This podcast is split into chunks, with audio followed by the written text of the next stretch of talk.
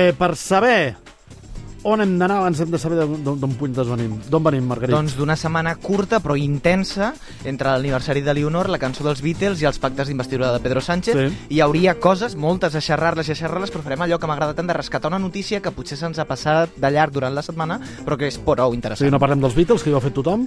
eh, no, parlem de l'ampliació de l'aeroport. Avui hauríem de parlar dels Beatles. Doncs si vols parlem de l'ampliació de l'aeroport amb els Beatles de fons.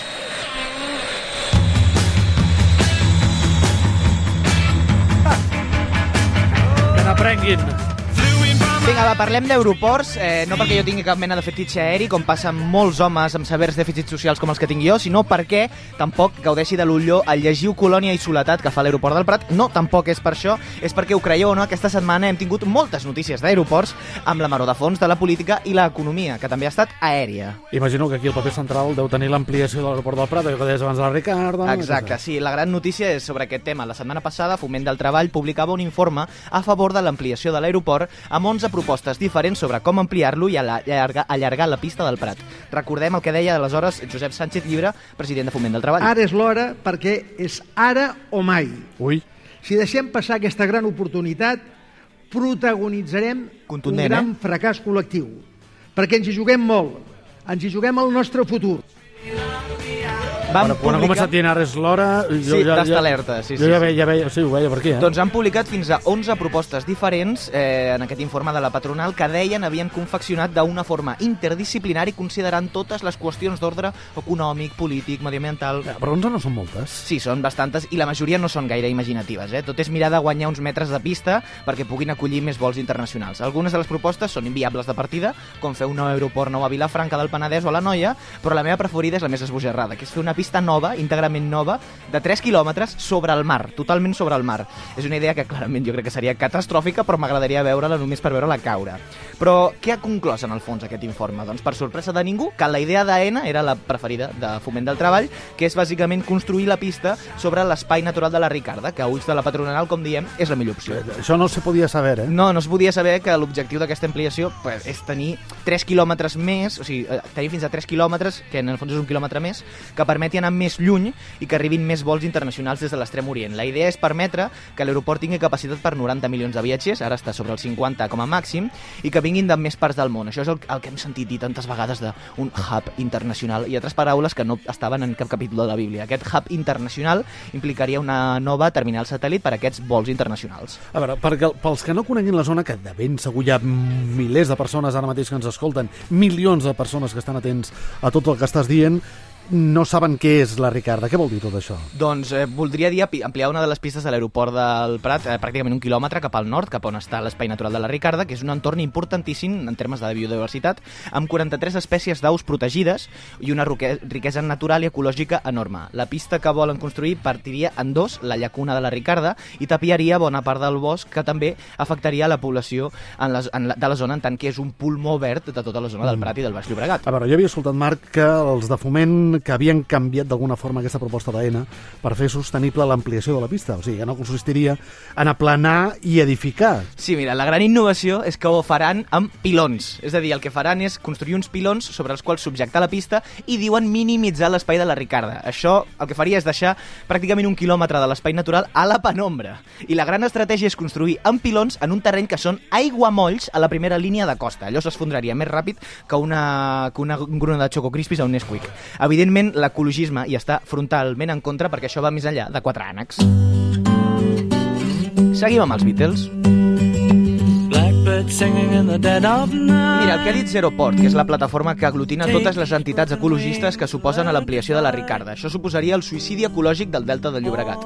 La infraestructura danyaria irreparablement l'ecosistema, que és una zona, com dèiem, de biodiversitat protegida, i també l'increment en els desplaçaments faria que els nivells de contaminació i pol·lució de l'aire quedessin pels núvols, cosa que ja va més enllà, com diem, del Prat i de la Ricarda, perquè també ens parla dels desplaçaments en general. Explicava d'aquesta manera el Jaume Osete, que és el portaveu de Zeroport. però primer volem que s'afronti que la, la realitat sobre que cal decréixer en la visió internacional pels greus efectes. És el mitjà més contaminant i que més contribueix a la crisi climàtica i en aquest context no podem permetre un qualsevol plantejament que suposi ampliar aquest número de vols. Però això no és només on els ecologistes, que els ecologistes estiguin instal·lats en una tesi utòpica sobre decreixement, ja ve d'abans. Aquest projecte d'ampliació, pel que ara corren presses, eh, va de la mà de, de danys que s'han anat provocant durant molt de temps al delta del, del Llobregat i que fa temps que porten mm. bastanta cua. De fet, recordo que la Comissió Europea ja ens va tirar les orelles, no?, del Pla Delta. Sí, el 2002 la Comissió Europea va instar a ENA i el govern a compensar els danys ambientals que va causar la primera ampliació de l'aeroport del Prat als anys 90 per minimitzar l'impacte que tenia la infraestructura en, en, en aquest espai per les dimensions que té una infraestructura com un aeroport. I AENA només el 2018 va arribar a pagar la quantitat total que li requeria la comissió per compensar els estralls que havia anat provocant durant les dècades. O sigui, la Ricarda ja està debilitada i mantinguda artificialment amb els dinarinxis que dona AENA. Sí, i es van haver d'instal·lar sistemes, per exemple, per bombejar aigua dolça eh, de eh, perquè l'aeroport no matés aquesta llacuna natural de la Ricarda. I hi ha coses que han quedat completament destruïdes, doncs, no només per la pol·lució aèria, sinó també per la contaminació lumínica i sonora.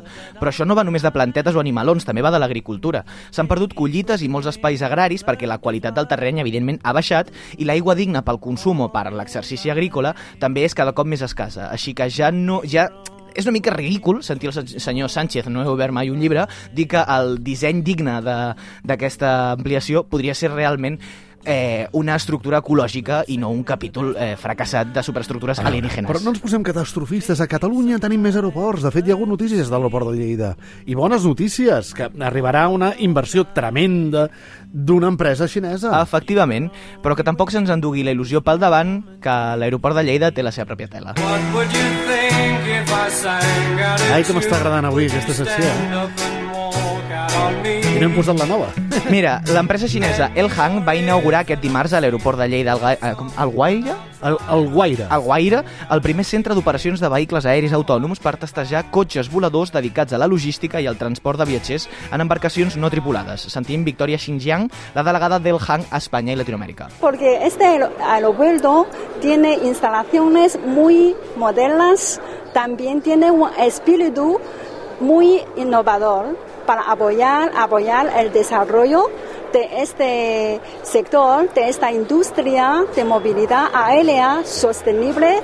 Ja són relatives bones notícies perquè aquest aeroport és un acudit amb tota honestedat. El van inaugurar el 2010 i va costar 95 milions d'euros i no només és que la xifra no s'hagi amortitzat, sinó que té més de 36 milions d'euros en pèrdues en els seus 12 anys d'activitat. És que fer-lo servir molt, molt, molt, no. Eh, no fa servir massa gent. No, sembla. no es va servir massa gent. Només tenen 100 passatgers al dia, Ah. de mitja, i mai ha arribat ni al 15% dels viatgers que es projectaven quan el van inaugurar. Eh, fins i tot en el millor any de l'aeroport, el 2019, eh, quan hi van passar 58.000 eh, viatgers tot l'any, la quantitat de viatgers de l'estació d'alta velocitat de Lleida va ser 8 cops més gran. Per l'estació de trens va passar-hi 8 milió de per... mig milió de persones, perdó, i per l'aeroport només 58.000. Les millors, les millors notícies serien aleshores que vinguessin aquests xinesos a reactivar l'aeroport. Veus, per això va haver aquest tema, no? I'm gonna try with a little help from my friends. Una mica d'ajuda dels nostres amics segur que ho arreglem. Sí, la cosa, Goyo, és que no són els primers amics que s'interessen per l'aeroport de Lleida. Per exemple, es va fer amb Ryanair per mirar d'incentivar que arribessin vols, se'ls hi van suspendre les taxes aeroportuàries i es subvencionava l'aerolínia per portar-ne avions. Ryanair cobrava uns 20 euros per cada passatger que portava a Lleida i eren 20 euros de part de l'erari públic. Eh, també es va fer un pacte, Goyo, i tu recordaràs amb l'agència britànica Thomas Cook, Home, perquè portessin viatgers a l'aeroport de Lleida eh, que anessin a esquiar o el que fos. La Generalitat, Sí, sí. la Generalitat va invertir-hi un milió i mig d'euros a canvi que l'agència portés 33.000 viatgers anuals durant 5 anys i es va quedar en uns 20.000 i quan la Thomas Cook va fer fallida l'aeroport de Lleida va perdre un bon bocí dels seus visitants, cosa que ha precipitat que es suspenguin les línies internacionals de l'aeroport a París, Frankfurt, Milà, Tel Aviv o Madrid. Així que cura hem de prendre massa de la help de segons quins frens. Mhm. De fet, els esquiadors preferien aeroports francesos i desplaçar-se des de França era molt més còmode. Mare meva, complicada, eh, la cosa del sistema aeri català. Bé, com a mínim, menys avions, menys contaminació. Ui, ja ho mirarem perquè una cosa en la que sí som punters és amb els vols privats.